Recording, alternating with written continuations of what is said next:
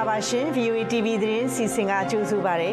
VOA TV အစီအစဉ်လေးကို American ပြည်ထောင်စု Washington DC မြို့တော်ကနေတိုက်ရိုက်ထုတ်လွှင့်ပေးနေပါတယ်ရှင်ဂါဇာမှာဂါဇာမှာစမ်းနေရိတ်ခါဝင်ယူတဲ့ပါလက်စတိုင်းပါလက်စတိုင်းအရက်သားတွေအစ္စရေးတပ်ဖွဲ့တွေကတပ်ဖွဲ့ခဲ့တဲ့အပေါ်တကဘာလုံးကဝိုင်းရှုံချနေကြပါတယ်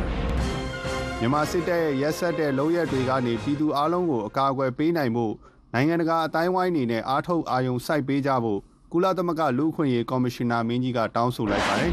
။မြန်မာအပါအဝင်ရွေးကောက်ခံထားတဲ့အစိုးရတွေကိုဖယ်ရှားပြီးစစ်အာဏာသိမ်းထားတဲ့နိုင်ငံတွေမှာ2023ခုနှစ်အတွင်းလွတ်လပ်မှုတွေဆက်လက်ဆုတ်ယုတ်လာတယ်လို့ Freedom House အစီရင်ခံစာမှာထောက်ပြထားပါတယ်။ စစ်ပွဲတွေဖြစ်နေတဲ့ဂါဇာမှာစားနပ်ရိက္ခာအကူအညီတွေကိုလူတွေကတိုးဝှေ့ပြီးတော့ယူကြတဲ့အချိန်မှာပါလက်စတိုင်းအရက်သားတွေကိုအစ္စရေးတပ်ဖွဲ့တွေကပြစ်ခတ်ခဲ့တဲ့အပေါ်ကမ္ဘာတဝန်းကဝိုင်းပြီးတော့ရှုတ်ချနေပါတယ်။ဒီပြစ်ခတ်မှုအတွင်းမှာလူတရာကျော်သေဆုံးတယ်လို့ဟာမတ်စ်အဖွဲ့ထိန်းချုပ်နယ်မြေမှာရှိတဲ့ပါလက်စတိုင်းကျန်းမာရေးဌာနကပြောပါတယ်။လူပေါင်း132ဦးသေဆုံးခဲ့ရပြီးတော့950ကျော်ဒဏ်ရာရတဲ့ဒီဖြစ်ရဟာ လူသတ်မှုကြီးဖြစ်တယ်လို့ဂါဇာကျန်းမာရေးဌာနကပြောဆိုတာပါအစ္စရေးစစ်တပ်ကတော့ဆာလောင်မွတ်သိမ့်နေတဲ့ဂါဇာဒေသခံတောင်းတဲ့ချီဟာစားနပ်ရိက္ခာတွေတည်လာတဲ့ထရက်ကာ38စီးပါရင်နှန်းတွေနားကိုဝိုင်းအုံပြီးတော့ရောက်လာတဲ့အချိန်လူအုပ်ပြီးပြီးတော့တေဆုံးတဲ့သူနဲ့ဒဏ်ရာရသူတွေဒါဇင်နဲ့ချီပြီးတော့ရှိတာလို့ဒီထဲမှာနောက်လော်ရီကာအောက်မှာအနှင်းခံရပြီးတော့တေဆုံးဒဏ်ရာရသူတွေလည်းပါတယ်လို့ပြောပါတယ်လူအကြီးပြေးဝင်လာတဲ့အချိန် ချင်းချောက်မှုဖြစ်တယ်လို့ယူဆပြီးတော့အစ္စရေးတပ်ဖွဲ့တွေကလူအကြီးရှိတဲ့နေရာကိုပစ်ခတ်ခဲ့တယ်ဆိုတာအစ္စရေးသတင်းရင်းမြစ်တွေကတော့အတည်ပြုပါတယ်ပြင်သစ်သမ္မတအီမန်နျူယ်မက်ခရွန်ကတော့ဒီလိုပြစ်ခတ်မှုမျိုးကိုအပြင်းထန်ဆုံးရှုတ်ချတဲ့အကြောင်းနဲ့အမှန်တရားနဲ့တရားမျှတမှုရှိအောင်ဆောင်ရွက်ပေးဖို့နဲ့နိုင်ငံတကာဥပဒေကိုလေးစားလိုက်နာဖို့တောင်းဆိုတဲ့အကြောင်း X လူမှုကွန်ရက်မှာရေးသားပြောဆိုခဲ့ပါတယ်။ American သမ္မတဂျိုးဘိုင်ဒန်ကတော့ဒီဖြစ်ရပ်နဲ့ပတ်သက်ပြီးတော့နှစ်ဖက်မတူညီတဲ့ပြောဆိုမှုတွေကိုသေချာလေ့လာသုံးသပ်နေတယ်လို့ပြောဆိုပါတယ်ရှင်။မြန်မာစစ်တပ်ရဲ့ရဲစက်ကြမ်းကြုတ်တဲ့လူရဲတွေကနေပြည်သူအလုံးကိုအကာအကွယ်ပေးနိုင်မှုနိုင်ငံတကာအတိုင်းဝိုင်းအနေနဲ့အားထုတ်အာရုံစိုက်ပေးကြဖို့ကုလသမဂ္ဂလူခွင့်ရေးဆိုင်ရာကော်မရှင်နာမင်းကြီးဗော်ကတာကဆွစ်ဇာလန်နိုင်ငံဂျနီဗာမြို့မှာဒီကနေ့ပြုလုပ်တဲ့မြန်မာနိုင်ငံဆိုင်ရာအပြန်အလှန်ဆွေးနွေးပွဲအတွင်းမှာတောင်းဆိုလိုက်ပါတယ်။ the human rights situation in Myanmar has morphed into a never-ending nightmare. away ခံရတဲ့ကမ္ဘာနိုင်ငံရေးတွေနဲ့ဝေးတဲ့နေရာမှာမြန်မာနိုင်ငံကလူခွင့်ရဲ့အခြေအနေတွေဟာမပြီးဆုံးနိုင်တဲ့အိမ်မက်ဆိုးတစ်ခုလိုအသွင်ပြောင်းသွားတယ်လို့လည်းပြောဆိုပါရယ် လူခွင့်ရေးကောင်စီမှာမြန်မာနိုင်ငံအကြောင်းသူနောက်ဆုံးတင်ပြခဲ့တဲ့စက်တင်ဘာလတွေကဆိုရင်လက်နက်ကင်ပဋိပက္ခတွေဟာတနိုင်ငံလုံးနှီးပါပြန့်နှံ့နေပြီလို့ကုလသမဂ္ဂလူခွင့်ရေးဆိုင်ရာကော်မရှင်နာမင်းကြီးဗော်ကာထက်ကထောက်ပြပါတယ်စစ်တပ်လေးချောင်းတိုက်ခိုက်မှုတွေလက်နက်ကြီးနဲ့ပစ်ခတ်မှုတွေမှာအယက်သားပြည်သူတွေအထူးသဖြင့်အမျိုးသမီးနဲ့ကလေးငယ်တွေတေဆုံးနေတာကိုလည်းသူကထောက်ပြခဲ့ပါတယ်ရှင်။ လွတ်လပ်မှုအတွက်စ조사ရုန်းကန်နေရတဲ့ကဘာကြီးအတွက်2024ခုနှစ်ဟာအရေးပါတဲ့နှစ်တစ်နှစ်ဖြစ်တယ်လို့ American ခြေစိုက် Freedom House အဖွဲ့ကြီးကပြောပါတယ်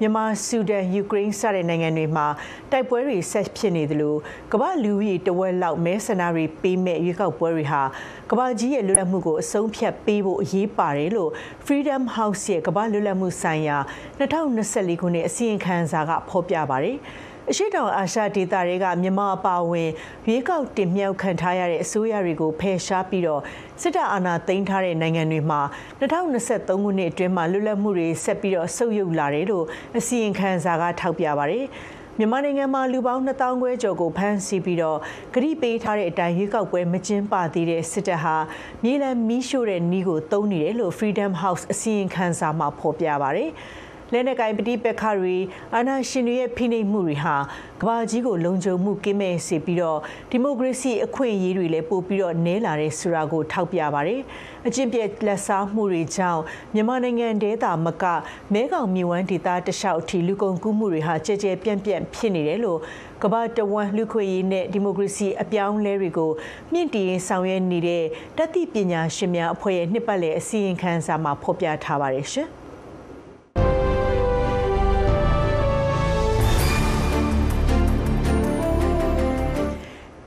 ပိုင်းတွေအတွင်းမှာမြန်မာစစ်တပ်ကထွက်ပြေးလာတဲ့သူလက်နက်ချတဲ့သူ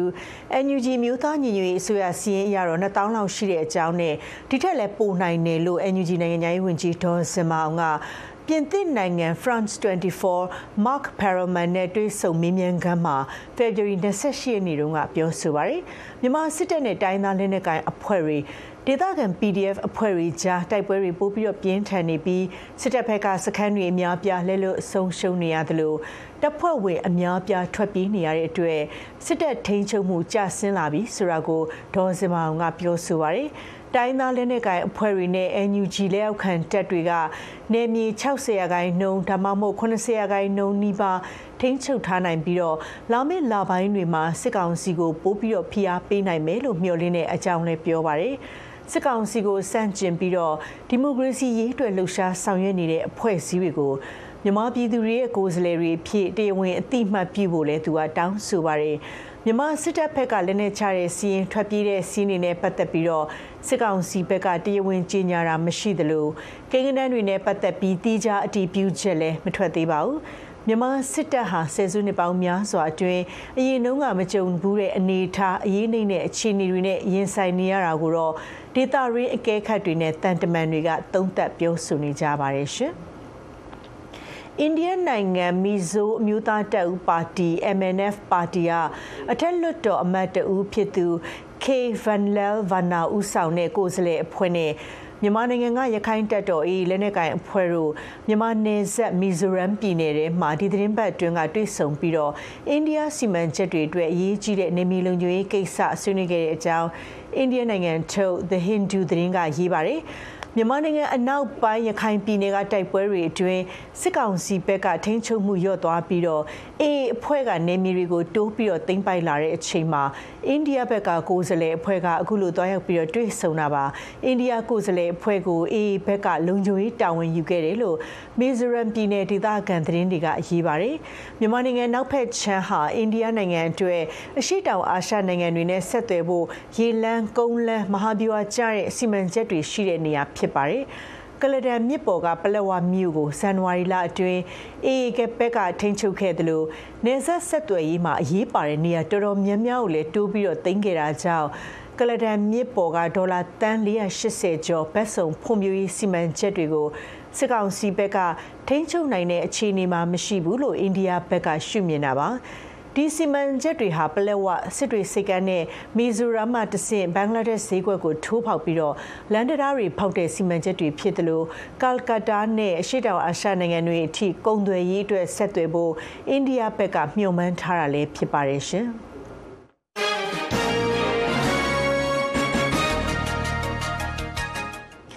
မကြသေးခင်လပိုင်းတွေအတွင်းစံစည်းတွေအစမတန်တက်သွားတဲ့အတွက်လူတွေအိုးအောင်တောင်းနှင်းဖြစ်ခဲ့ရတဲ့အင်ဒိုနီးရှားနိုင်ငံမှာလာမယ့်မတ်လဒုတိယပတ်အစရာမဒန်ဥပုလမတိုင်ခင်မှာဈေးကွက်ပြန်ပြီးတော့ထိန်းချုပ်နိုင်တဲ့အခြေအနေမှာရောက်မယ်လို့မျှော်လင့်တဲ့အကြောင်းကိုအင်ဒိုနီးရှားနိုင်ငံဆန်တဲ့စားတောက်ကုန်မှာယူဖြန့်ဖြူးပြီးဈေးကွက်ကိုထိန်းချုပ်တဲ့ဘူလော့ကုမ္ပဏီကခန့်မှန်းပါတယ်မြန်မာပါဝင် ထိုင်းဗီယက်နမ်ကမ္ဘောဒီးယားအိန္ဒိယစတဲ့စံတင်ပို့တဲ့နိုင်ငံတွေကိုချင်းကပ်ပြီးတော့စံတန်ချိန်တသန်းနှစ်သိန်းမှာဖို့ဂရိကဝယူထားတဲ့အကြောင်းဘူလော့ကုမ္ပဏီအကြီးအကဲဘာယူခရစ်စနာမူတီကပြောပါတယ်လူဦးရေတန်း280ရှိတဲ့အင်ဒိုနီးရှားနိုင်ငံမှာဆန်ကအဓိကအစားအစာဖြစ်ပြီးတော့ပြီးခဲ့တဲ့နှစ်နဲ့စာရင်ဆန်ဈေး16ရာခိုင်နှုန်းတက်ခဲ့ပါတယ်။ ပြီးခဲ့တဲ့နှစ်တုန်းကအယ်နီညိုရာသီဥတုကြောင့်မိုးနေတာနဲ့ငွေကြေးဖောင်းပွားမှုပြဿနာတွေကြောင့်ဆန်အထွေနှုန်းကျခဲ့သလိုစပားဈေးတွေလည်းတက်ခဲ့ပါတယ်။အခုတော့နေရာတချို့မှာစပားရိတ်သိမ်းရာသီစပြီးဖြစ်တာကြောင့်အဓိကဈေးကွက်တဲ့ဆန်တွေစပြီးတော့ဝင်ရောက်လာပြီလို့ဘူလော့ကုမ္ပဏီအကြီးအကဲကပြောဆိုပါတယ်ရှင်။ အကျဉ်းထောင်ထဲမှာကွယ်လွန်ခဲ့တဲ့ရုရှားတိုက်ခိုက်ခေါင်းဆောင် Alexei Navalny ရဲ့ဇာပနကိုမော်စကိုမြို့အရှေ့တောင်ပိုင်းမှာဒီကနေ့ကျင်းပမှာဖြစ်ပါတယ်။ရုရှားနိုင်ငံရဲ့အထင်ရှားဆုံးအတိုက်ခံတွေကတူဖြစ်တဲ့အသက်48နှစ်အရွယ် Alexei Navalny ဟာအတိတ်ဒေသဝေးလံခေါင်တည်တဲ့အကျဉ်းထောင်မှာပြီးခဲ့တဲ့ February 16ရက်နေ့တုန်းကတည်ဆုံခဲ့ပါတယ်။ရုပ်လောင်းကိုတော့သူသေဆုံးပြီးတော့ရှေ့ရဲ့အကြာမှာအာနာပိုင်တွေကမိသားစုစီကိုပြန်ပေးခဲ့ပါတယ်။ မော်စကိုမှာရှိတဲ့ဖျားเจ้าတော်တော်များများကနဗာနီရဲ့ဇာပနာဝတ်ပြုဆူတောင်းပွဲကျင်းပခွင့်ပြုဖို့ညှင်းဆန်ခဲ့ပြီးတော့နောက်ဆုံးမှာတော့မာရီနိုခရိုင်မှာရှိတဲ့ ဖះเจ้าတစ်ခုကနေပြီးတော့လက်ခံခဲ့ပါတယ်။ Alexei Navalny 2020တုန်းကအာယုံကျော်ထိခိုက်စေတဲ့အစိတ်မိခဲ့တဲ့အချိန်မတိုင်ခင် ဒီဖျားအကြောင်းမှာသူခိတ္တနေထိုင်ခဲ့ပူးပါတယ်အစိတ်မိပြီးတော့မှဂျာမနီနိုင်ငံမှာစေကူတာမှုခံခဲ့ရပြီးတော့2021ခုနှစ်ဇန်နဝါရီမော်စကိုကိုပြန်လာတဲ့အချိန်မှာရုရှားအာဏာပိုင်တွေကသူ့ကိုဖမ်းဆီးခဲ့တာပါဖះเจ้าကဇာပနာကျင်းပဖို့လက်ခံပြီးမဲ့လူမှုကွန်ရက်စာမျက်နှာမှာတော့ဖော်ပြမထားပါဘူး။အာနာပိုင်တွေကတော့ဖះเจ้าနာမြေရောက်ယထာဘူရာယုံကနေဖះเจ้าလန်တလျှောက်ရဲတပ်ဖွဲ့တွေနဲ့အတားအဆီးတွေကိုချထားပါတယ်။ ဖះเจ้าမှာဝတ်ပြုဆုတောင်းပြီးရင်တော့ Alexei Navalny ရဲ့ရုပ်လောင်းကိုအနီးအနားက Borisov Koyev တုတ်တံမှာမြုပ်နှံမှာဖြစ်ပါတယ်ရှင်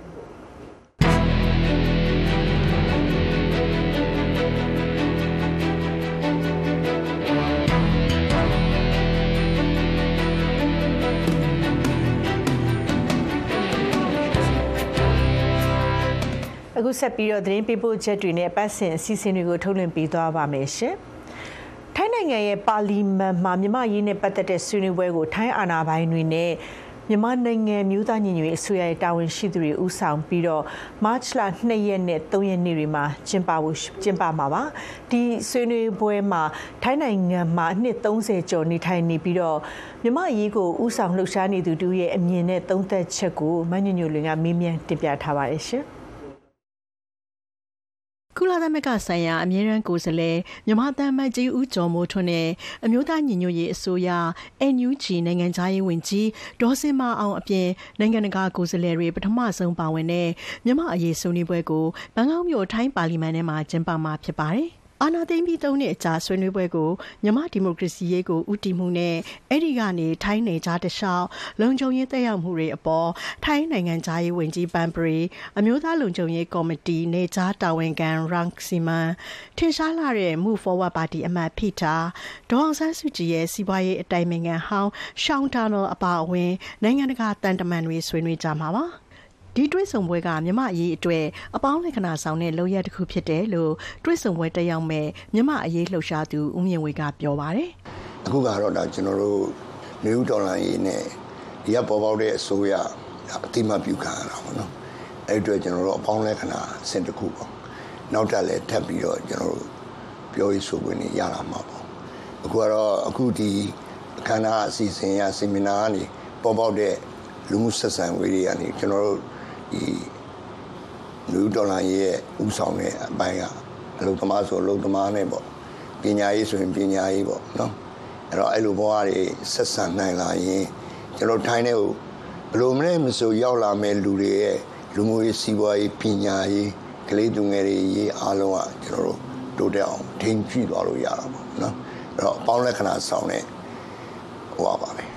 အခုလိုတွေ့ဆုံမှုအခမ်းအနားဖြစ်လာရတာကနှွေဦးတော်လန်ရေးအပေါ်မြန်မာလူထုထောက်ခံမှုကအားကောင်းလွန်းတာကြောင့်ဖြစ်တယ်လို့တော့ဦးမြင့်ဝေကသုံးသပ်ပါတယ်။ထိုင်းနိုင်ငံမှာမြန်မာနိုင်ငံသားတရားဝင်က၄သန်းလောက်ကြော်ကြော်ရှိတော့လား။နောက်အဲ့တရားဝင်မြန်မာနိုင်ငံသားတွေကလည်းအခုဒေါ်လာရေးမှာအများကြီးပတ်မှုတဲ့အဓိကထောက်ခံသူတွေကိုနေဦးဒေါ်လာရေးမှာ NUG ကပြည်သူတွေရဲ့တခဲနဲ့ထောက်ခံမှုရတဲ့အတွက်ထိုင်းဘက်ကနောက်ဆုံးအဆင့်မှာသူစပြီးစဉ်းစားတော့ နောက်ပြီးတော့သူ့တိုင်းပြည်ရဲ့နေကြားနဲ့သူဆက်ဆက်နေတော့သူ့မှာလည်းလုံညုံရေးစီးပွားရေးအကုန်လုံးထိခိုက်တယ်အကျိုးမြတ်လည်းရှိတယ်ထိခိုက်မှုတွေလည်းရှိတယ်အဲအဲ့ဒီခါကျတော့သူကဒါကိုစဉ်းစားပြီးတဲ့အတွက်ဒါကျွန်တော်တို့ကရှင်းရှင်းပြောရရင်တော့ဟိုဥကျော်မိုးထွန်းတာမတ်ကြီးနဲ့ဒီတော့စင်မအောင်နိုင်ငံရေးဝန်ကြီးကြောင့် NUG ကြောင့်ရေဆိုတာတဲ့နောက်ခံလူလူရဲ့အခြေအနေပေါ့လူလူအကောက်ကမှုက အရန်များလုံးတယ်ပြည်တွင်းမှာရောပြည်ပမှာသူပြင်ထိုင်းမှာရှိတဲ့လူတွေအကုန်လုံးထောက်ကန်တယ်ကြောက်လို့သာရှော့ပေးနေရသူတို့ရတိုင်းမြင်မလို့သာသူတို့လုံးဝမချေလဲတာရှိတယ်အဲ့တော့ဒါတွေကြောင့်ထိုင်းကတည့်ပြီးစဉ်းစားတယ်လို့ကျွန်တော်ထင်ပါတယ် Wonderful to have you here. Uh, we celebrate 190 years of diplomatic relations between Thailand and the United States. ဒီဆွေးနွေးပွဲဟာထိုင်းနိုင်ငံသားရေးဝန်ကြီးပန်ပရီနဲ့အမေရိကန်နိုင်ငံသားရေးဝန်ကြီးတိုနီဘလင်ကင်တို့ဝါရှင်တန် DC မှာတွေ့ဆုံဆွေးနွေးပြီးတဲ့နောက်ပိုင်းဖြစ်ပေါ်လာခဲ့တာလည်းဖြစ်ပါတယ်ရှင်။ကျွန်မညညလွင်ပါအနာဂတ်မြန်မာနိုင်ငံဖွံ့ဖြိုးရေးအတွက်လိုအပ်တဲ့ပညာတွေကိုသင်ကြားဖို့မြန်မာကျောင်းသားကျောင်းသူတွေထောင်ထဲချီအတွက်ပညာတော်သင်စုပေးရမယ့်အစီအစဉ်နဲ့ပတ်သက်ပြီးတော့ USAID နိုင်ငံတကာဖွံ့ဖြိုးရေးအေဂျင်စီက February 29ရက်နေ့တုန်းကကြေညာခဲ့ပါတယ်။မြန်မာနိုင်ငံမှာပညာတတ်လူငယ်မျိုးဆက်ပျောက်ဆုံးတာမျိုးမဖြစ်အောင်လို့ American ပြည်ထောင်စုအနေနဲ့ကူညီထောက်ပံ့ပေးသွားမှာဖြစ်တဲ့အကြောင်းလည်းတာဝန်ရှိသူတွေကပြောပါတယ်။ဘန်ကောက်မြို့ကနေကိုအောင်သတင်းပေးပို့ထားပါတယ်ရှင်။ diversity and inclusion scholarship မတူကွဲပြားခြင်းနဲ့အားလုံးပါဝင်နိုင်တဲ့ပညာတော်သင်ဆုကို American ပြည်ထောင်စုနိုင်ငံတကာဖွံ့ဖြိုးမှု agency USAID ကနေပြီးတော့ကြေညာလိုက်ပါတယ်ဒီပညာတော်သင်ဆုကိုမြန်မာကျောင်းသူကျောင်းသားတထောင်ကျော်ရရှိမှာဖြစ်ပါတယ် providing this evening and uh, as you can see in the uh, program folders ဘန်ကောက်မြို့ Jim Thompson Art Center မှာကျင်းပတဲ့ပညာတော်သင်ဆုနဲ့ပတ်သက်ပြီးမိတ်ဆက်ကြေညာတဲ့အခမ်းအနားကိုမြန်မာနိုင်ငံဆိုင်ရာတန်ယုံအကြီးအကဲ Susan Stevenson လည်းတက်ရောက်ပါတယ် We remember the difficulties at the uni- of the university. 1990ခုနှစ်ကာလတွေတုန်းကတက်သူကျောင်းတွေရဲ့အခြေအနေကိုပြန်အမှတ်ရမိစေပါတယ်။ကျောင်းသားတွေဟာဘွဲရဖို့ဆယ်စုနှစ်နဲ့ချီအချိန်ကြာမြင့်ခဲ့ပါတယ်။ထောက်ကူပြုပေးတာမျိုးမရှိဘူးဆိုရင်မြန်မာနိုင်ငံအနေနဲ့လူငယ်မျိုးဆက်တစ်တည်းရဲ့ပျောက်ဆုံးတော့မဲ့အနေကိုလည်းရင်ဆိုင်နေရတာပါ။ မြန်မာနိုင်ငံဖွံ့ဖြိုးတိုးတက်ရေးအကောင့်တွေပေါ်ရမှာလိုအပ်တဲ့ပညာရေးအတွက်၄နှစ် Bachelor Degree Master Degree နဲ့ PhD ဘွဲ့တွေအပြင် Certificate အတိအမှတ်ပြုလက်မှတ်နဲ့ Diploma အစီအစဉ်တော်တော်များများအတွက်လည်းပညာတော်သင်ဆုလျှောက်ထားနိုင်ပါတယ်အသက်25နှစ်အောက်လူငယ်45ရာခိုင်နှုန်းရှိနေတဲ့မြန်မာနိုင်ငံမှာအခက်အခဲမျိုးစုံအကြားပညာသင်ကြားဖို့အခက်တွေ့နေရတဲ့အခြေအနေတွေကြောင့် American ပြည်ထောင်စုအနေနဲ့လိုအပ်ချက်ကိုဖြည့်ဆည်းပေးတာဖြစ်တဲ့အကြောင်းလည်းအခုလိုပြောကြားပါတယ်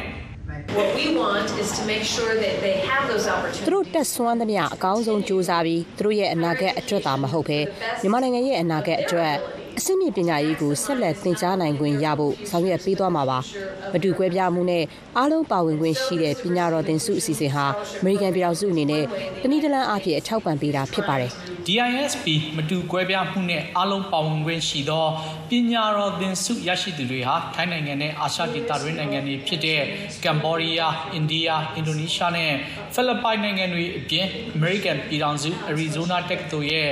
online စနစ်ကနေလည်းပညာသင်ကြားခွင့်ရရှိမှာပါ USA အနေနဲ့အခုပညာတော်သင်ဆုအပြင်မြန်မာကျောင်းသူကျောင်းသားရာကနန်းကိုလင်ကွန်းပညာတော်သင်ဆုလည်းပေးအပ်ခဲ့ပါတယ်လူငယ်မျိုးဆက်တွေအနေနဲ့ပညာသင်ကြားခွင့်ရဖို့အရေးကြီးကြောင်း American ပြည်ထောင်စုနိုင်ငံတကာဖွံ့ဖြိုးရေး Agency USAID အာရှရေးရာလက်ထောက်အုပ်ချုပ်ရေးမှူး Michael Schiffer ကအခုလိုပြောကြားပါတယ် we know that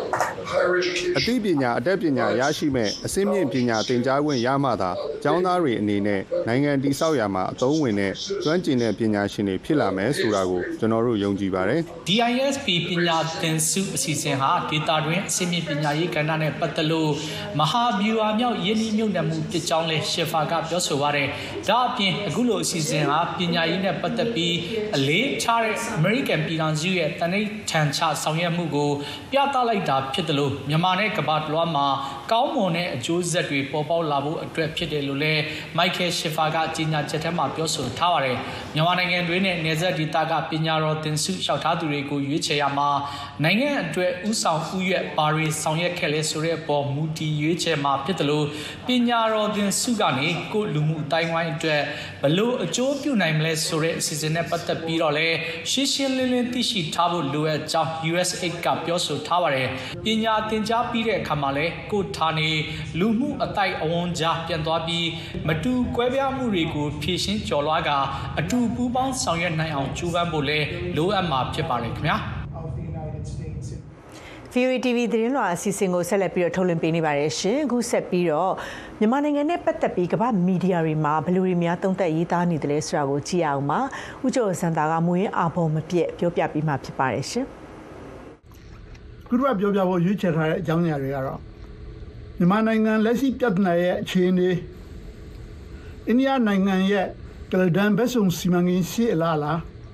လာအိုနိုင်ငံဟာအာရှဥက္ကဋ္ဌအနေနဲ့မြန်မာအရေးကိုဘယ်အတိုင်းအတာထိဆောင်ရွက်ပေးနိုင်မလဲဆိုတဲ့အကြောင်းအရာတွေပဲဖြစ်ပါတယ်ပထမဆုံးပြောပြခြင်းတဲ့အကြောင်းအရာကတော့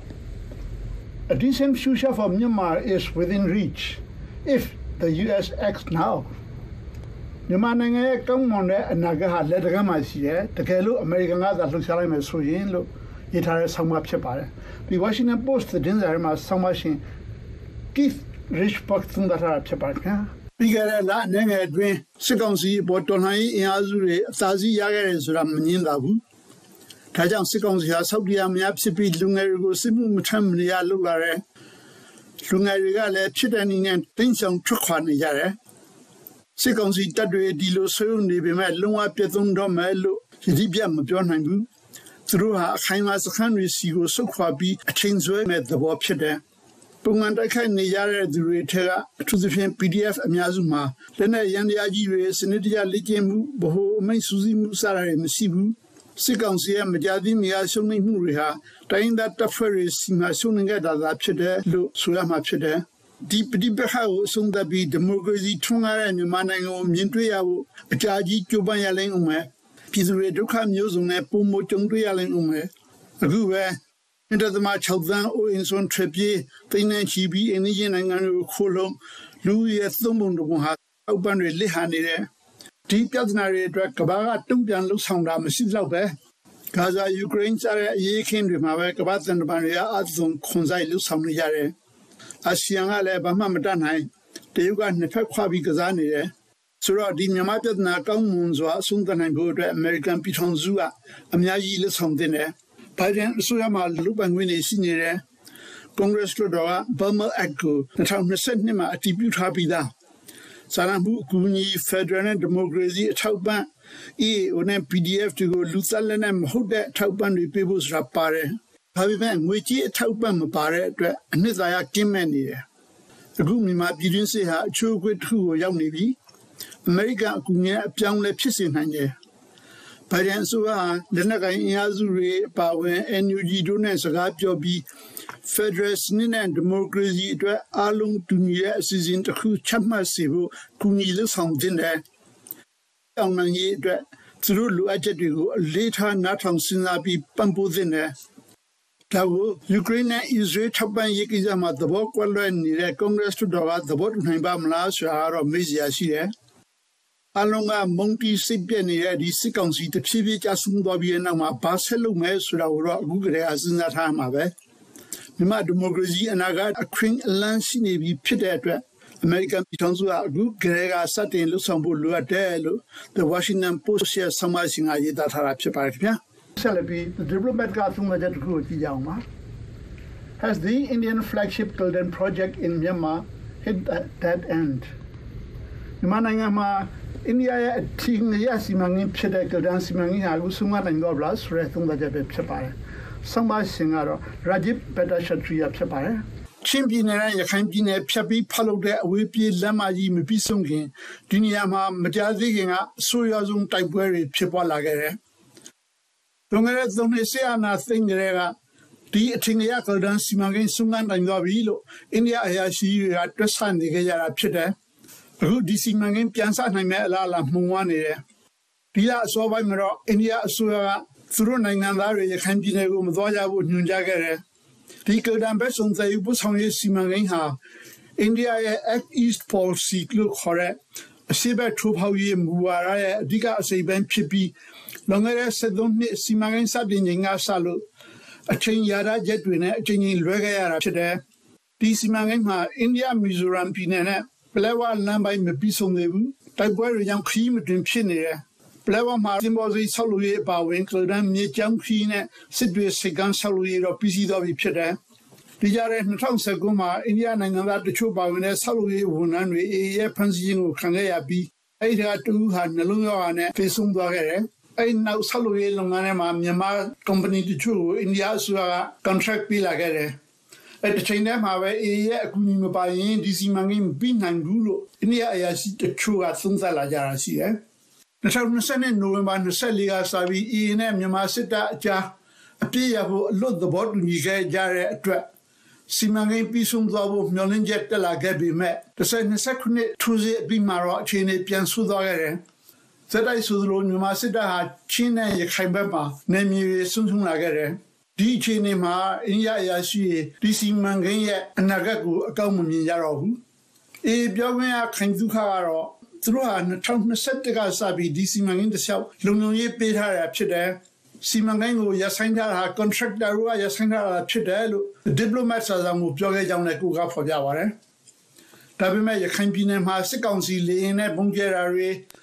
တော်လှန်ရေးအခြေခံစခန်းတွေကိုတံပြန်တိုက်ခိုက်နေတဲ့ဒီအခြေအနေမှာ contractor တွေကဒီစီမံကိန်းကိုဆက်လုပ်ဖို့ဆန္ဒရှိရမလား။တရားစတာပြောရတဲ့ရခိုင်ပြည်နယ်ဟာမြန်မာနိုင်ငံမှာမဟာဗျူဟာအကျဆုံးနေရာတဲ့တစ်ခုပါဝင်ဖြစ်တယ်။တရုတ်နဲ့အိန္ဒိယတို့အတွက်လွန်စွာအရေးပါတယ်။တရုတ်ကတော့စစ်တွေကလဒန်စီမံကိန်းနဲ့စိတ်မဝေးတဲ့ကြောက်ဖြူရည်နဲ့စစ်ကမ်းကိုဆက်လုပ်ဖို့ပြင်ဆင်နေပြီ။နောက်ဆက်တွဲသဘောတူညီချက်ချုပ်ဆိုပြီးတရုတ်က90ရာခိုင်နှုန်းမြုပ်နှံမှာဖြစ်တယ်။ ဒီနဲ့စိတ်ကန်းဟာ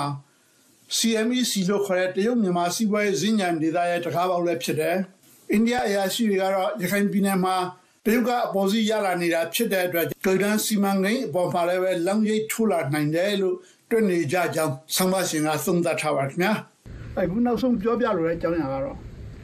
as ASEAN chair will Lao play it safe on Myanmar အာဆီယံဥက္ကဋ္ဌအနေနဲ့လာအိုဟာ မြန်မာနိုင်ငံအရေးကိုကောင်းကောင်းမွန်မွန်ကင်တွယ်နိုင်မလားဆိုတဲ့အကြောင်းပဲဖြစ်ပါတယ်။ဆောင်းမရှင်ကတော့ Algri Mendelssohn ဖြစ်ပါတယ်ခင်ဗျာ။ The Diplomat မှာဒီသတာဖြစ်ပါတယ်။တပါတီအာဏာနဲ့အုပ်ချုပ်တဲ့လာအိုနိုင်ငံဟာစစ်ကောင်စီဘက်ကရက်တည်သွားလိမ့်မယ်လို့တချို့ကဆိုနေရတယ်။တရုတ်လိုကြပဲလုပ်ပေးလိမ့်မယ်လို့လည်းတချို့ကယူဆနေရတယ်။ဒါပေမဲ့လာအိုနိုင်ငံရခိုင်အာဆီယံလက်ရဥက္ကဋ္ဌဖြစ်စဉ်ကရက်တည်ချက်ကိုပြန်ကြည့်ရင် တရုတ်ကျိုးဆွဲရမကနိုင်ဘူးလို့သုံးသပ်သူတွေကဆိုကြပါတယ်။အခုလည်းအာဆီယံရဲ့ဘုံသဘောတူညီချက်၅ရပ်ကိုသိသိမှင်းမြင်အောင်လုပ်မှမဟုတ်ဘူးလို့ပြောထားပါတယ်။သို့ပေမဲ့အရင်အမြစ်အကန့်အသတ်နဲ့ပြည်တွင်းပြဿနာတွေကြောင့်မြမအရေးမှာရခိုင်ဥက္ကဋ္ဌတွေမလုပ်နိုင်ခဲ့တဲ့ထိုးဖောက်အောင်မြင်မှုမျိုးလုပ်နိုင်ပါမလားဆိုတာကတော့မသိကြဘူး။အခုဒီမဲ့လာအိုဟာရခိုင်ဥက္ကဋ္ဌအင်ဒိုနီးရှားအစပြုခဲ့တဲ့သုံးပွင့်ဆိုင် Trica ကြီးကြရေးလမ်းစဉ်ကိုသိတ်ကူးဆိုင်လူဟန်ပြသနေတယ်။ ဒါဟာသူဥက္ကဋ္ဌသက်တမ်းမှာမြမအရေးအတွက်ထွေထွေထူးထူးပြဿနာတစုံတရာမတက်စီခြင်းဘူးသူသဘောနဲ့သူလွတ်ဆောင်တော်လို့လည်းဖြစ်နိုင်တယ်ဒါအပြင်သူဥက္ကဋ္ဌလူရမယ့်ကိစ္စမှာသူများတွေဝင်ရောက်ကြည့်ကြစရာမလိုဘူးဆိုတဲ့သဘောကိုလည်းပြသခြင်းဖြစ်တယ်လို့သုံးသပ်ပြီးကိုကဖော်ပြပါတယ်။တာဝန်နိုင်ငံရဲ့ဝန်ကြီးမကြာခင်ကမြန်မာပြည်ကိုသွားပြီးတော့စစ်ကောင်စီအကြီးအကဲတာဝန်ရှိသူတွေအပြည့်အလက်မှတ်ထိုးအဖွဲ့တွေ မှတ်ပုံတင်နိုင်ငံရေးပါတီနဲ့တွစ်ဆုံခဲ့ပေမဲ့ NUG နဲ့တွစ်ဆုံခြင်းမရှိပါဘူး။ဒါဟာမြန်မာအရေးမှာထူးထူးခြားခြားစွမ်းဆောင်ပြသလိုဟန်မရှိဘူးဆိုတာဖြစ်နိုင်တယ်လို့သုံးသပ်သူတယောက်ကိုကိုကဖော်ပြပါရယ်။ဒီလိုအလိုကြလက်ရုပ်မလားဆိုတာနဲ့ပတ်သက်ရင်တော့လာအိုနိုင်ငံ2016မှာအာရှဥက္ကဋ္ဌဖြစ်စဉ်တုန်းကလည်းတရုတ်ဖိလစ်ပိုင်ရေပိုင်နဲ့အငင်းပွားမှုမှာနိုင်ငံတကာခုံသမားရုံ International Tribunal ရဲ့သုံးသပ်ချက်အတိုင်းပြပြတတ်တရည်တည်ပြခဲ့တာဖြစ်တယ်။ တကယ်တော့ကမ်ဘောဒီးယားနိုင်ငံဟာလည်းတပါတီအာဏာနဲ့အုပ်ချုပ်တဲ့နိုင်ငံဖြစ်တဲ့အတွက်မြန်မာစစ်ကောင်စီနဲ့အလွန်သင်းနေမယ်လို့ထင်ခဲ့ကြပေမဲ့နောက်ဆုံးမှာတော့အဲ့လိုမဟုတ်ခဲ့ဘူးဆိုတာတွေ့ခဲ့ရပြီးဖြစ်တယ်အခုလာအိုနိုင်ငံဟာ2024ကို visit Laos year ဒီသွားနေအဖြစ်ကြီးညာထားပြီးစီးပွားရေးအခက်အခဲ လူခွင့်ရေးပြဿနာတွေကိုတော်လှန်ပြီးနိုင်ငံကအမြင်မှာအသွင်ပြောင်းဖို့လှုံ့ဆော်နေခြင်းဖြစ်တဲ့အတွက်ဒီအာဆီယံဥက္ကဋ္ဌရာထူးကိုအသုံးချလိုမှရှိတယ်လို့လည်းတချို့ကဆိုကြပါတယ်။သူဥက္ကဋ္ဌဖြစ်လာချိန်မှာပဲစစ်ကောင်စီအနေနဲ့လည်းနိုင်ငံရေးရာထူးမဟုတ်တဲ့ဝန်ထမ်းအကြီးအကဲတူကိုအာဆီယံအစည်းအဝေးစီပြန်တက်စေခဲ့တယ်။ရှက်ရကြကောင်းတဲ့စီရှုံးနေမှုတွေနဲ့ကြုံရတဲ့စစ်ကောင်စီဟာလာအိုမိဖက်အဖြစ်အကူလူဟန်ပြသလာတာဖြစ်တယ်။ လာဝဒါကိုလက်ခံတုံ့ပြန်ပြီးစစ်ကောင်စီကိုပုံမှန်ဆက်လက်ရည်တည်သွားနိုင်အောင်လုပ်ပေးနိုင်လိမ့်မယ်လို့သုံးသပ်သူလည်းကိုကဖော်ပြပါရယ်ဆိုတော့လာဝဟာမြမအရေးမှာပြဿနာကိုလက်ရှိအခြေအနေတိုင်းပဲဆက်လက်ထားရှိပြီးနောင်လာမဲ့ဥက္ကဋ္ဌလက်ထက်ကိုပုံစံမပြတ်လွှဲပြောင်းသွားလိမ့်မယ်လို့ထင်ရကြောင်းဆောင်းပါရှင်ကသုံးသပ်ထားပါခင်ဗျာဒီဘက်တော့ကတော့လှုပ်ပဲဖြစ်ပါခင်ဗျာနောက်တစ်ပတ်မှာဘယ်လိုများသုံးသပ်လာကြအောင်လဲဆိုတာကိုကျွန်တော်စောင့်မျှော်လိုက်ကြပါလို့ရအားလုံးကိုကျေးဇူးတင်ပါတယ် ဒီကနေ့အတွက် VOE TV သတင်းလွှာအစီအစဉ်ကဒီလောက်ပါပဲရှင်။ VOE TV အစီအစဉ်တွေကိုနေ့တိုင်းည9:00နာရီမှာအစီအစဉ်သစ်ကိုတိုက်ရိုက်ထုတ်လွှင့်ပါတယ်။နောက်နေ့အစီအစဉ်သစ်မပြောင်းခင်ထိလည်းအချိန်ချင်းထပ်ပြီးတော့ထုတ်လွှင့်ပေးပါတယ်။ VOE TV သတင်းလွှာအစီအစဉ်ကိုကြည့်ရှုရတဲ့အတွက်ကျေးဇူးတင်ပါတယ်ရှင်။အားလုံးပဲရှင်လန်းချမ်းမြေ့ကြပါစေရှင်။